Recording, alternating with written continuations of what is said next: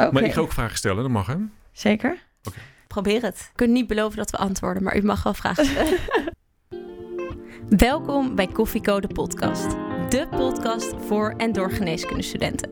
Waarbij wij, gewapend met een kop koffie, voor jou op pad gaan om interviews af te nemen met de leukste, interessantste en meest inspirerende artsen van Nederland.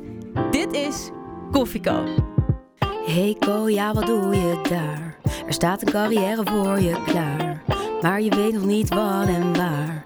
Een cappuccino maakt het minder zwaar. Dus zet je volumeknop omhoog. Want je luistert Koffie Co en je weet het zo. Pa pa pa para para para. Leuk dat je weer luistert naar Koffiecode podcast. Wij zijn Doris. Tessa. En Tiara. En met vandaag de gast hoogleraar Frank Visseren, internist vasculair geneeskundige in het UMC Utrecht. Nou, professor Visseren, leuk dat u vandaag de gast bent bij Koffieko om bij ons aan tafel te praten over uw vakgebied. Maar voordat we dat gaan doen, willen wij altijd één belangrijk detail weten. Hoe drinkt u uw koffie? Eh, helemaal zwart. En ik drink, hem, eigenlijk- ik drink eigenlijk alleen maar koffie eh, bij het ontbijt. En daarna de rest van de dag niet meer. Helemaal zwart, geen melk of suiker erin. Nee, nee. Gewoon heerlijk en met lekkere boontjes. Met lekkere boontjes. Oké. vers gemalen boontjes. Want melk en suiker, dat is slecht voor de vaten? Eh, nee, is gewoon niet zo lekker. Dan, gaat, dan, dan proef je die koffie niet meer. Is toch zonde? Ja, dat is, dat is ook Al wel die zo. boontjes helemaal aan de andere kant van de wereld. Ehm, we gaan even helemaal terug in de tijd. Hoe was u als student? Ja, dat is lang geleden. Niet heel ijverig. Eh, we hadden toen op ochtenden hadden we colleges en dan smiddags uh, werkgroepen, iedere dag. En, ehm, maar die colleges waren natuurlijk niet verplicht. En dus dat, daar miste je nog wel eens wat van. En de werkgroep was, uh, daar was je altijd. En dat was toen nog in het, het oude ziekenhuis. En de, de, faculteit zelf zat ook helemaal in de stad. Dus je fietste ook tussen colleges en tussen werkgroep, fietste je ook door de stad heen de hele tijd. Zo naar het een en dan weer naar het ander. Geweldig leuke tijd, midden in Utrecht. Ik ben midden in Utrecht opgeleid. Ja, en u was niet zo ijverig? Was u bezig met andere dingen in uw studententijd vooral? Uh, ook, ja, tuurlijk. Ja. Uh, ik heb veel muziek gemaakt in mijn leven. En oh. ik ben lid bij Veritas geweest. daar hebben we een geweldige mooie tijd gehad. Ja. En, Wat voor muziek heeft u gemaakt? Ben ik wel benieuwd naar. piano, jazz-achtige muziek. Oké, okay, nou leuk. Dat vind ik wel heel wat. Daar gaan we het zo nog eens over hebben. Ja. Um, had u wel eens een herkansing? Ja, ik heb, je, had, je had algemene pathologie. Dat Mhm. was een van de vakken voor mij van het tweede jaar. En uh, ik had mezelf voorgenomen dat ik daar niet voor ging leren om het te halen. Dat, dat moet je kunnen halen zonder ervoor te leren. En dat is me gelukt. Uh, in de, uh, de vierde keer is me gelukt. Oh. Vier keer ook niet geleerd. Ja, ja. en uh, tijdens die studententijd kwam u er al snel achter dat de beschouwende vakken u meer lagen, zoals waar u nu geëindigd bent? Ja, ik vond, uh, ik wilde eigenlijk bosbouw gaan doen in Wageningen. Dat was mijn droom uh, oh. op mijn middelbare school. En, um, maar op een gegeven moment, nou, door alle redenen ben ik, ben ik de geneeskunde ingerold. Um, dat is wel een hele grote verandering. Hoe is dat zo gekomen? Ja, in de, in de vijfde klas van de middelbare school um, struikel ik over de dochter van de gynaecoloog in, ons, in onze stad. En uh, ik kreeg met haar een relatie en ik kwam daar thuis. En um, dat was eigenlijk voor het eerst dat ik in mijn leven dat ik een dokter zag. Ik had nog nooit een dokter gezien. Uh, zelf niet, in, in mijn familie was ook niemand. Um, en, uh, en zij wilde graag geneeskunde gaan doen. En ik dacht, ja, ik wil haar niet uit het oog verliezen.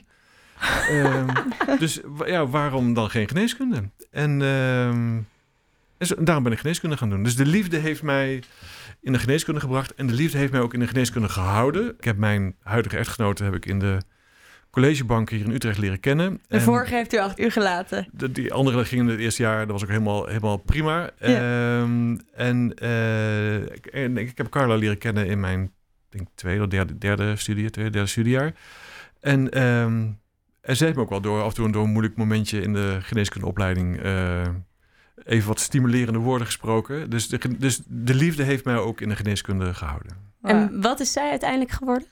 Uh, Carla werkt nu bij een farmaceutisch bedrijf. Kunnen we en, ook interviewen? En zij werkt, zij ontwikkelt uh, geneesmiddelen tegen longkanker. Wow. Oh, wauw. Nou, daar kunnen we nog een heel ander interview aan besteden. Ja. Gaan we nu weer even op u. Ja. Kunt u eens in een paar zinnen uitleggen wat uw vak nou precies inhoudt? Ja, dus internist vasculair geneeskundige uh, vasculaire geneeskunde is een deelgebied van de interne geneeskunde. Net zoals oncologie dat is, of hematologie, of infectieziekte, of endocrinologie. Het zijn allemaal, zijn internist en we hebben allemaal een specialisme, een deelspecialisme of een superspecialisme. En dat betekent in je opleiding dat je de laatste van de zes jaar interne geneeskunde, de laatste twee jaar doe je dan dat deelspecialisme. En in dit geval vasculaire geneeskunde. En wat het vak inhoudt is dat het, het gaat over heel veel. Het gaat over stolling, het gaat over nierinsufficiëntie, het gaat over hoge bloeddruk, het gaat over cholesterol, het gaat over vasculitis, dus immuunachtige aandoeningen. En er zit heel veel acute dingen bij. Hè, dingen als longembolieën, mensen met krankzinnige hoge bloeddrukken die op de SCH komen. Uh, en er zit heel veel chronische zorg bij, uh, preventiezorg bij. En dat maakt het heel erg leuk. Jong en oud, uh, acuut, chronisch. Kinderen die ik behandel met familiaire hypocholesterolemie. En ik heb mensen van 90 jaar die iets hebben. Polyklinisch op de SCH, maar ook klinisch. Uh, we doen heel veel consulten, ook bij, uh, bij onze collega's van de cardiologie.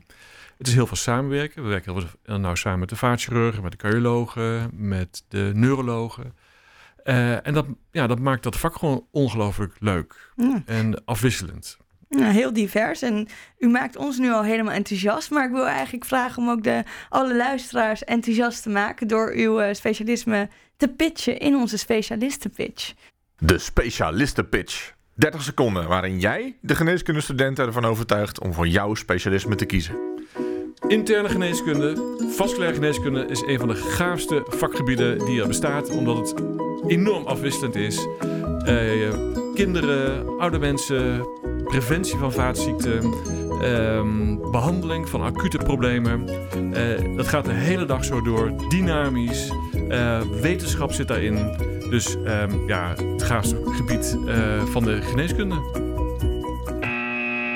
Nou, u zegt het zelf eigenlijk al, hè? de patiëntpopulatie is ook iets wat het heel erg leuk maakt voor u. Van jong tot oud. Maar ziet u niet meer oude mensen dan jonge mensen? Nou, ik wat, waar het in ons vakgebied heel erg over gaat, en ik vind dat het in de geneeskunde daar veel vaker over moet gaan, is over preventie van ziekte. weet je, wij komen als dokters vooral in actie op het moment dat iemand ziek is. En dat is, zeker waar het vaatziekte gaat, is dat eigenlijk een beetje, uh, loop je een beetje achter de feiten aan. Als iemand een hartinfarct heeft gehad, dan heeft hij al schade, onherstelbare schade. Of een herseninfarct heb je onherstelbare schade. Dus het gaat uiteindelijk, eh, de beste behandeling van een vaatziekte is het voorkomen ervan. En ik vind dat wij als dokters dat veel meer moeten doen. Wij moeten veel meer drukker zijn om mensen gezond te houden, weg, weg van ziekte te houden, dan om mensen uh, pas te gaan behandelen op het moment dat ze met een ziekte bij ons komen. En dat is, dat is van nature niet, zit dat niet zo heel erg in ons systeem. Hè? Want iemand die ziek is en die je dan door een aandoening heen sleept, die is hartstikke blij dat je dat gedaan hebt. Je hebt meteen ook plezier van je, hè? meteen zichtbaar wat je gedaan hebt. Terwijl preventie, dat is natuurlijk veel onzichtbaarder. Iemand het is nog maar zelden een patiënt naar mij toegekomen die zegt: Dank u wel dat u mij dat u een hartinfarct bij mij heeft voorkomen. uh, en dat, dus dat is een beetje onzichtbaar. Um, maar het leuke ervan is dat als je mensen bijvoorbeeld met erfelijke cholesterolproblemen, die een torenhoog risico hebben op krijgen van hart- en vaatziekten, op jonge leeftijd al. Uh, als je dat soort families uh, goed behandelt, ja, dan hebben ze eigenlijk helemaal geen last van hun ernstige cholesterolprobleem. En dat is ontzettend leuk. En, uh, en het leuke daarvan is dat je die kids, die zie je op hele jonge leeftijd. Hè, vaak al op tien jaar of twaalfjarige leeftijd. En soms begin je al met behandelen, soms ook niet. En, en ik heb een aantal van die kinderen die nu, uh, ja, die hebben een puberteit achter de kiezen. Die zijn gaan studeren en die denken nu aan een gezin. Of dit hebben ze al zelfs. Um, en dat is het leuke, dat je die ook ja, eigenlijk een heel, een heel traject uh, meemaakt. En die families hebben ook van dichtbij gezien wat het, wat het betekent om zo'n erfelijk cholesterol bijvoorbeeld te hebben. Want die hebben een opa of oma die niet ouder dan 50 geworden zijn. Uh, of die hebben soms ook ouders die uh, ernstige vaatproblemen op jonge leeftijd gekregen hebben. En op het moment dat je dat weet te voorkomen en zo'n familie intact weet te houden eigenlijk, ja, is dat ontzettend uh, leuk. Dus u houdt zich heel erg bezig met de preventiegeneeskunde. Ja, je kan het. Dat, is, dat is preventie. Hè? Je kan zeggen, ik heb mensen die een vaatziekte hebben gehad, daar wil je voorkomen dat ze een volgende vaatziekte krijgen. Ja. En hoe doet u dat? uh, risicofactoren heel goed te behandelen. En te, te snappen waarom iemand een vaatziekte gekregen heeft. En dat is voor iedereen anders. En zomaar blind mensen gaan behandelen, zomaar cholesterol verlagen, bloeddruk verlagen of antistolling geven. Ja, dat is natuurlijk niet zo'n slimme geneeskunde. Je moet nadenken over waarom heeft deze meneer of mevrouw een vaatziekte gekregen? Wat, wat, wat, is, wat zit daarachter? Wat is, wat, is de, wat is de driver geweest waarom iemand in de problemen gekomen is? Dat is een beetje speuren. Het is een beetje detective werk af en toe. Een beetje puzzelen, een beetje zoeken. En op het moment dat je het gevonden hebt, en dat knopje gevonden hebt wat het probleem veroorzaakt heeft, en dan kan je er ook vaak wat aan doen.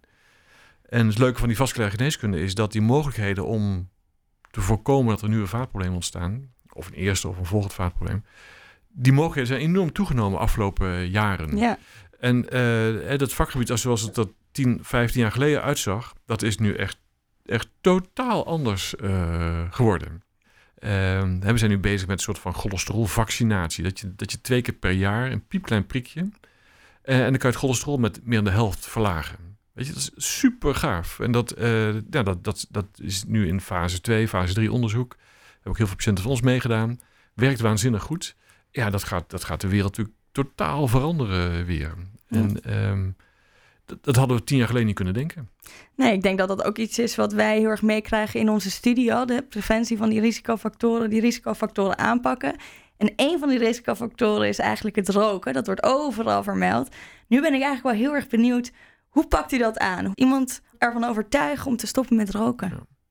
Ja, roken is een gigantisch probleem. Hè? En dat, weet je, roken moet gewoon verbannen worden uit Nederland. Hè? Dat is natuurlijk uiteindelijk gewoon de rookvrije generatie. Ik heb mezelf heel, hard- daar heel hard voor gemaakt, ook, ook binnen ons ziekenhuis. Dat het ziekenhuis eh, echt helemaal rookvrij is. En echt eh, totaal rookvrij. Want tot een paar jaar geleden was er gewoon een rookplek naast de hoofdingang. Ja, dus, dus kwam je dat ziekenhuis binnen, of je zag de hoofdingang. En het eerste wat je zag waren, waren rokende mensen. En ik denk, zo'n ziekenhuis moet natuurlijk een soort healing environment zijn. Hè, je moet ze daar mensen moeten kunnen werken aan hun gezondheid. En ja, daar, past roken natuurlijk totaal niet bij. Weet je, we zijn de hele dag bezig hier om mensen eh, op de been te houden. Eh, grote vatenoperaties, hartoperaties. Eh, en dat lukt steeds beter, dat lukt ook best wel goed. En dan ga ik s'avonds boodschappen doen. En het eerste wat ik, wat ik zie bij de supermarkt is rookproducten die je daar kan kopen. Het allereerste wat je kan kopen in de supermarkt is sigaretten.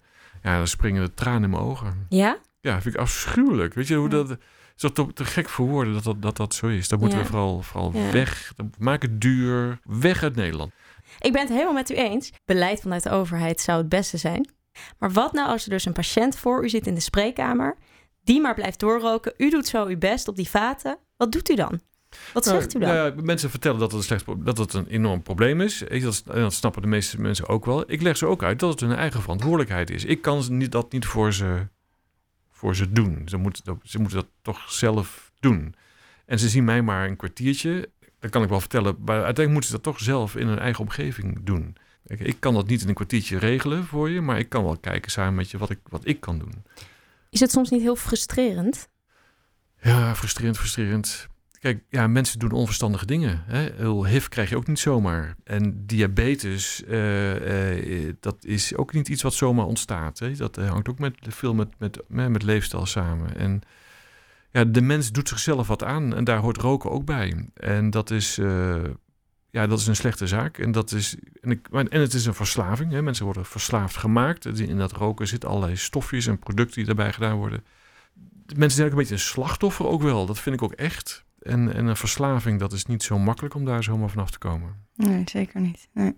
En nu vraag ik me af, ehm, wat als over tien jaar niemand meer zou roken in Utrecht? Ja, nou, geweldig. Zou er mij de vlag uitgaan? Dus dat, dat zou heel mooi zijn. Ehm, Zou uw baan dan eh, verloren gaan? Nee, mijn baantje, dat blijft nog wel even bestaan.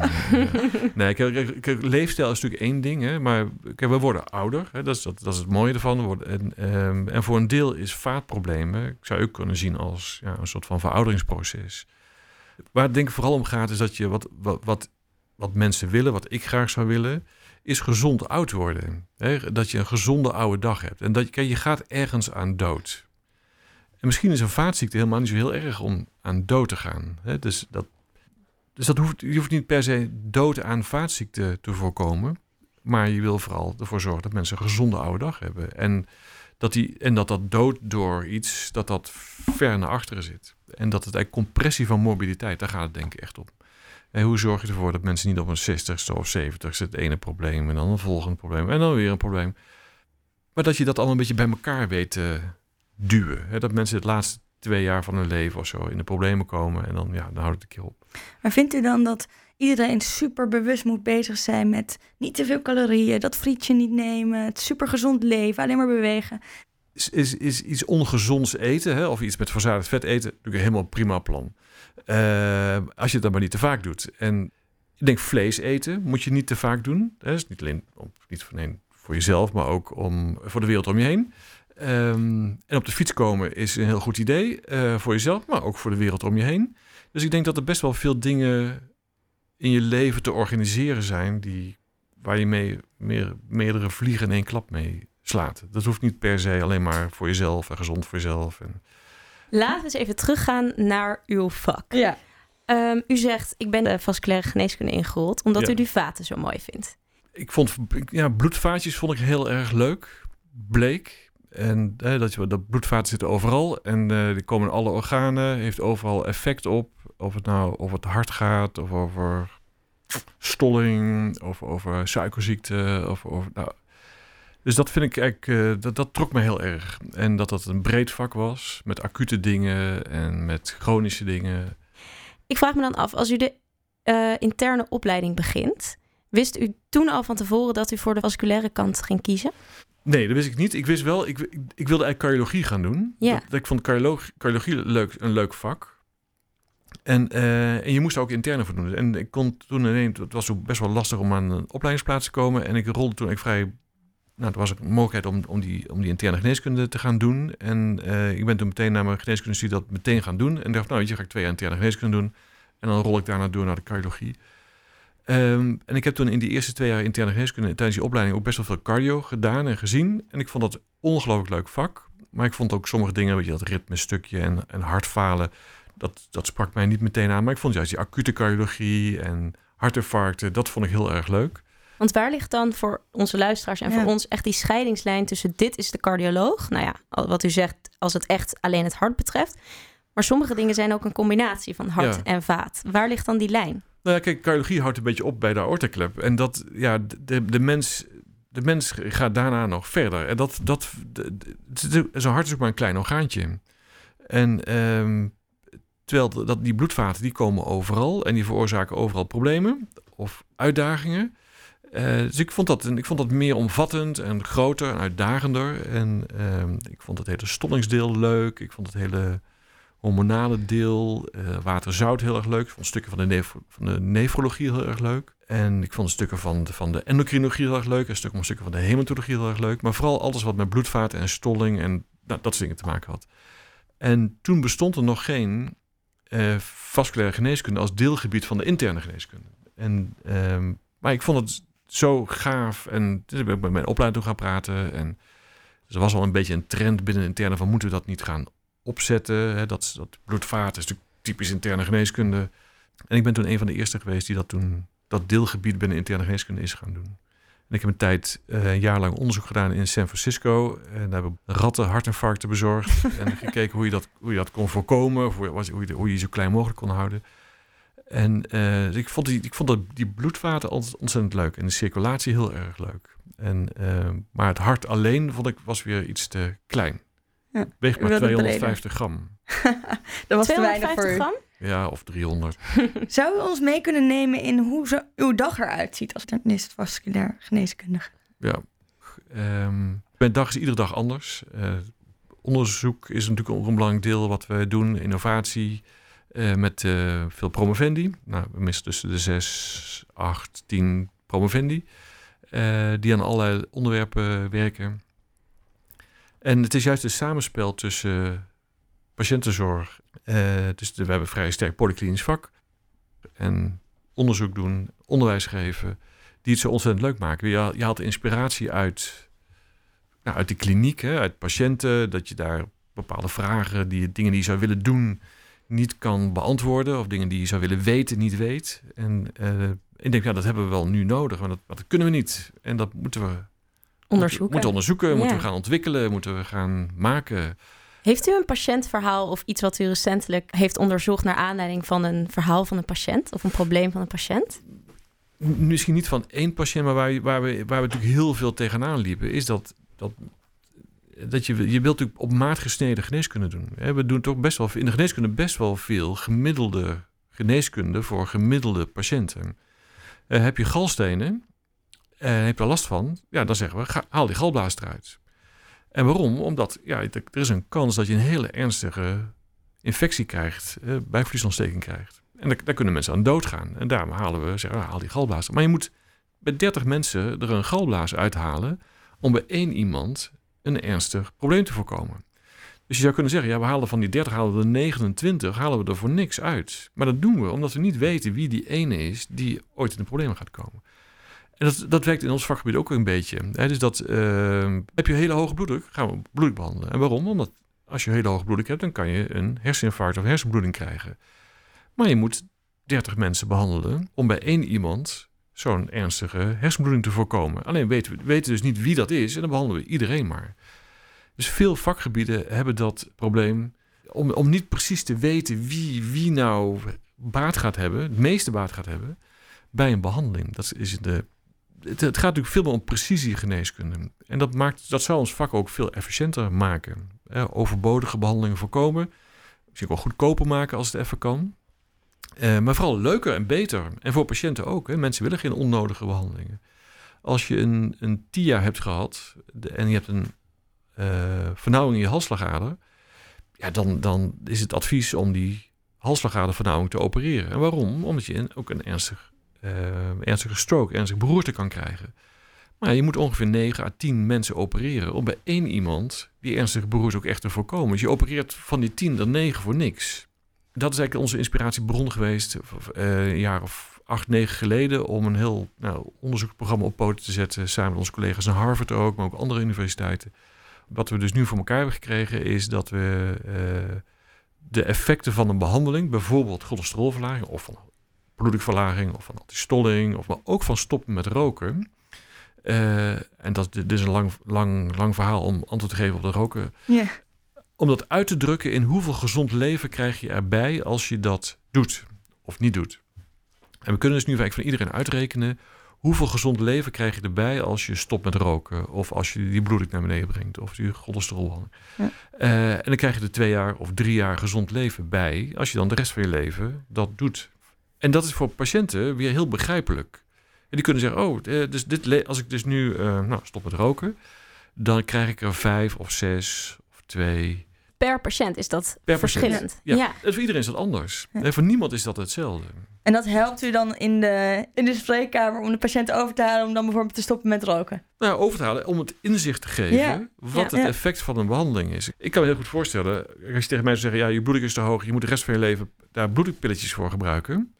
Of eh, diabetes, je moet daar bepaalde diabetes. Ik, ik, ja, ik, ik weet niet of daar meteen al zo enthousiast voor zijn. Want dan zeg ik, ja, en waarom, zeg ik, waarom dan? Ja, maar dat, uit groot onderzoek blijkt, als je dat bij 10.000 mensen doet, dat je dan gemiddeld 20% minder kans hebt op hart- en vaatziekten. Dan denk ik, ja, weet je, 20% minder kans, 10.000 patiënten. Wat is dat? Ja. Heb ik niks aan. Wat betekent dat voor mij? Ja. Nee, en nu kunnen we dat uitdrukken in hoeveel gezond leven krijg je erbij. En dan kan je oké, een beetje bloeddruk, een beetje dit, een beetje stoppen met roken, een beetje overal. En dan kan je er zo zes of zeven gezonde jaren bij krijgen. En dat spreekt mensen aan. Dat snap ik, maar dat snappen ook patiënten waar ik mee te maken heb. Merkt u dat in de spreekkamer? Dat als u dit zegt? Ja, je hebt een totaal ander gesprek. Mensen zeggen, oh, maar dat... Medicijnen nemen iedere dag kunnen ook nadelen hebben. En als je laat zien wat het oplevert... kunnen heel veel mensen daar inspiratie uit halen. Denken, nou, dat, is, dat vind ik de moeite waard. Dus als je van, wat, waar, hè, wat is een patiëntenverhaal wat mij geïnspireerd heeft? Nou, het is meer ja, patiëntenverhalen. Hè, Ja. Dilemma's in de spreekkamer. Hoe, hoe, hoe leg ik nou aan mensen uit? Stop met roken. Zeg je, ja, stop met roken is goed voor je. Eh, maar, ja, maar hoe goed dan? Ja, dat Ja. kon ik niet goed uitdrukken. En, en nu kunnen we dat. En dat Ja. heb ik een website van gemaakt. Dat heet you-prevent.nl. Prevent. Eh, en dat vind ik ontzettend gaaf. Eh, en vorig jaar en ook dit jaar waren weer mensen ons genomineerd op het grote congres, grote Europese congres, voor de Young Investigator Award. Dus ik heb daar weer glimmend van trots ehm, eh, in de zaal gestaan. Zijn dat soort dingen hoogtepunten voor u? Ja, ja enorm. Ja, Ja? ja. Vind ik eh, helemaal top. En dan, dan, dan komen alle dingen bij elkaar. Dan komt goede patiëntenzorg, fantastische eh, wetenschap en eh, het opleiden van, van talentvolle jonge mensen Ja. komt dan bij elkaar. De co-telefoon. De co-telefoon. Co-telefoon is een vraag ingestuurd door een van onze luisteraars via Instagram. Eh, en de vraag luidt als volgt vandaag. Eh, het eten hier in het ziekenhuis erg zout. Hoe komt het dat we hier nog steeds geen verandering in kunnen Ja. brengen? Super goede vraag. We hebben een onderzoek daarna gedaan. En dat is, eh, dat is gepubliceerd in de BMJ Open. En daar hebben we gekeken als je een bordje hangt bij de soepen.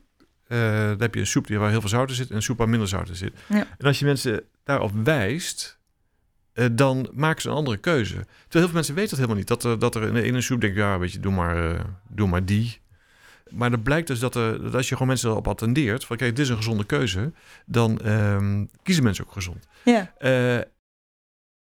Het bijzondere is dat er ook een heel mooi onderzoek geweest waaruit blijkt dat bij alle ministeries in, in Nederland en in academische ziekenhuizen, eh, dat daar de lunch meer zout bevat dan een eh, menu bij McDonald's. Dat ik denk, ja, dat kan niet waar zijn. Weet je, wij, Nee. wij, wij Nee. gezonde mensen, wij beleid, beleidsmakers, eh, die, eh, die eten ontzettend te zout. We krijgen veel te veel zout binnen, dus dat moet, dat moet minder.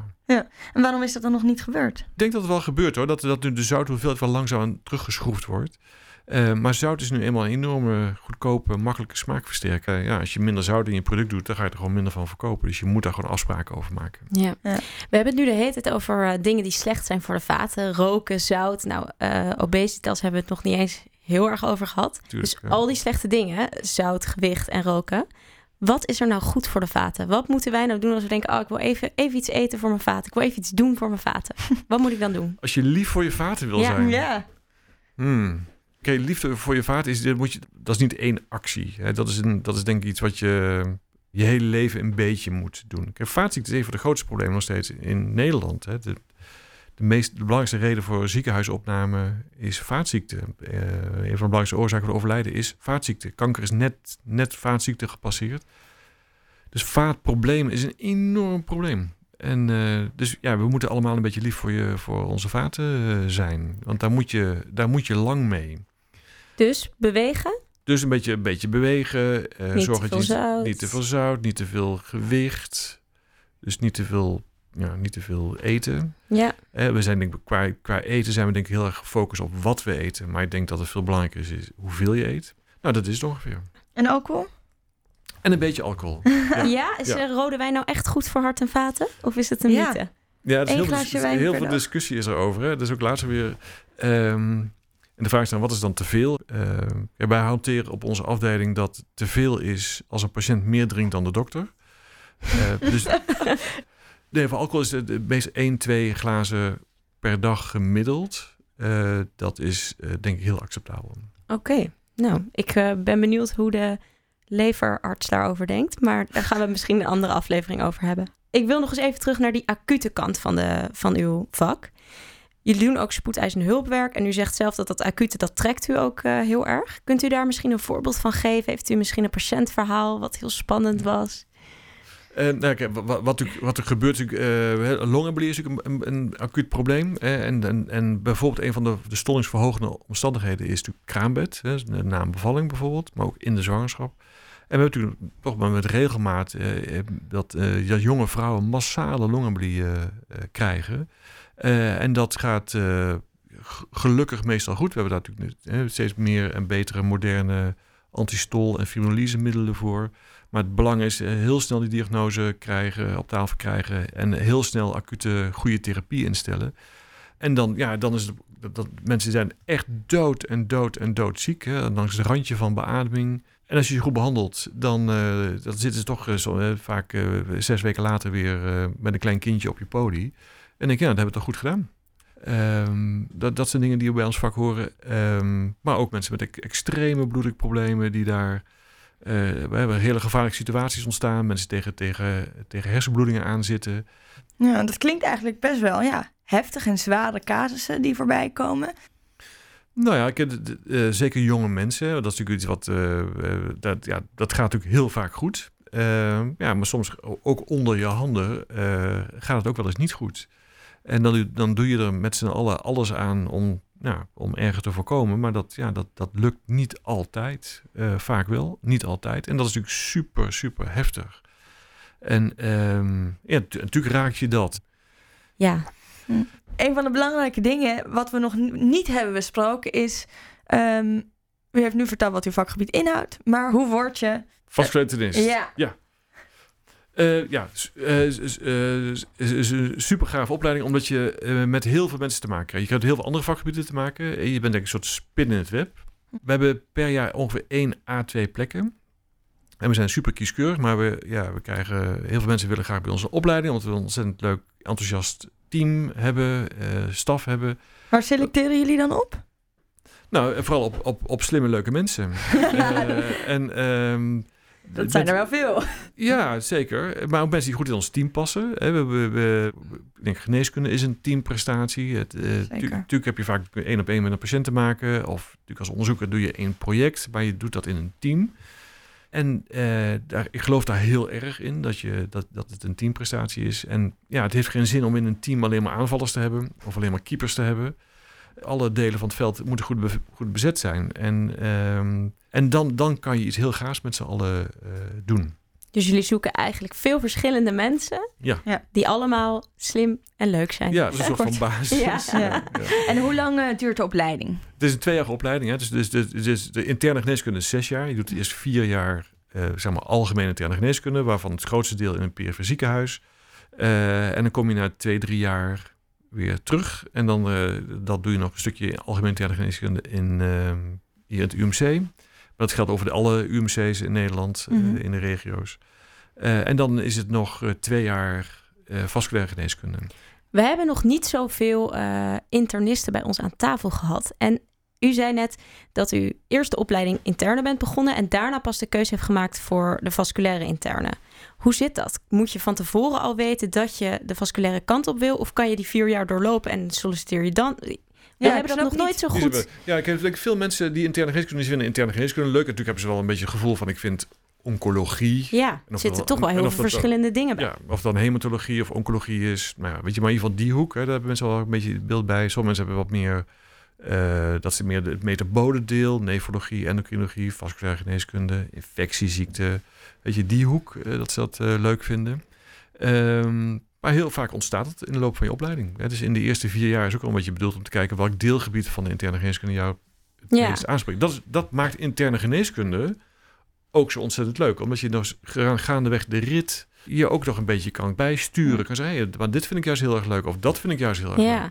Maar als ik het goed begrijp, is het dus zo dat je eerst probeert eh, de opleiding voor interne in te komen. En dan na vier jaar moet er nog een keuze gemaakt worden. En dan moet je opnieuw solliciteren voor de, voor, voor de Ja. deelspecialisme? Of hoe? Kijk, in de, Of loop van, rol je daarin? In de loop van jaren dan leer je natuurlijk ook mensen kennen. En dan weet je op een gegeven moment wel van ja, ik vind vasculair heel erg leuk. En dan ga je eens een keer praten met, eh, met de vasculaopleider. Dat ben ik in dit geval. en dan ga je zeggen, hey, dit lijkt me ontzettend leuk om te gaan doen. Eh, past dat? Kan dat? Eh, zijn er mogelijkheden? Of zijn alle plekken al bezet? Want we willen natuurlijk niet te veel mensen opleiding. We willen ook niet te weinig opleiding. Dus dat komt ook wel nou. En dan, ja, dan loopt dat eigenlijk wel vrij Oh ja. automatisch. Oké. Nou duidelijk. Ik denk dat we dan wel een goed beeld hebben gekregen van uw vakgebied. Alleen ehm, hebben we nog niet een volledig beeld van wie u nou bent. Dus ehm, ik vroeg me af, u zei net in het begin van het interview... eh, had u het over gezond oud worden. Nu ben ik benieuwd, bent u daar zelf ook heel bewust mee bezig? Nou, ik wil graag gezond oud worden. Ehm, we hebben kids en we doen le- leuke dingen. En eh, ik ben eh, al heel erg veel jaar gelukkig getrouwd met Carla, mijn ega. Dus ja, wij, wij willen wel leuke... eh, ik wil wel graag gezond oud worden. Ik heb nog genoeg, eh, genoeg te doen. Hoe doet u dat? Gezond oud worden? Ja. Eh, investeren in mijn bloedvaten. Nee, lief, zijn, Liefde. lief zijn voor mijn bloedvaten. Nee, nou ja, oké, dat, dat, dat, dat is, dat is natuurlijk heel generiek. En dat zal voor iedereen is dat niet heel erg anders. En dat, natuurlijk zorg dat je niet te zwaar wordt. Een beetje bewegen. En wat doet u dan voor sport bijvoorbeeld? Eh, niet zo heel veel, om heel eerlijk te zijn. ik fiets iedere dag naar het ziekenhuis. Eh, dus dat vind ik al een behoorlijke prestatie. En ehm, ik probeer één à twee keer in de week hard te lopen.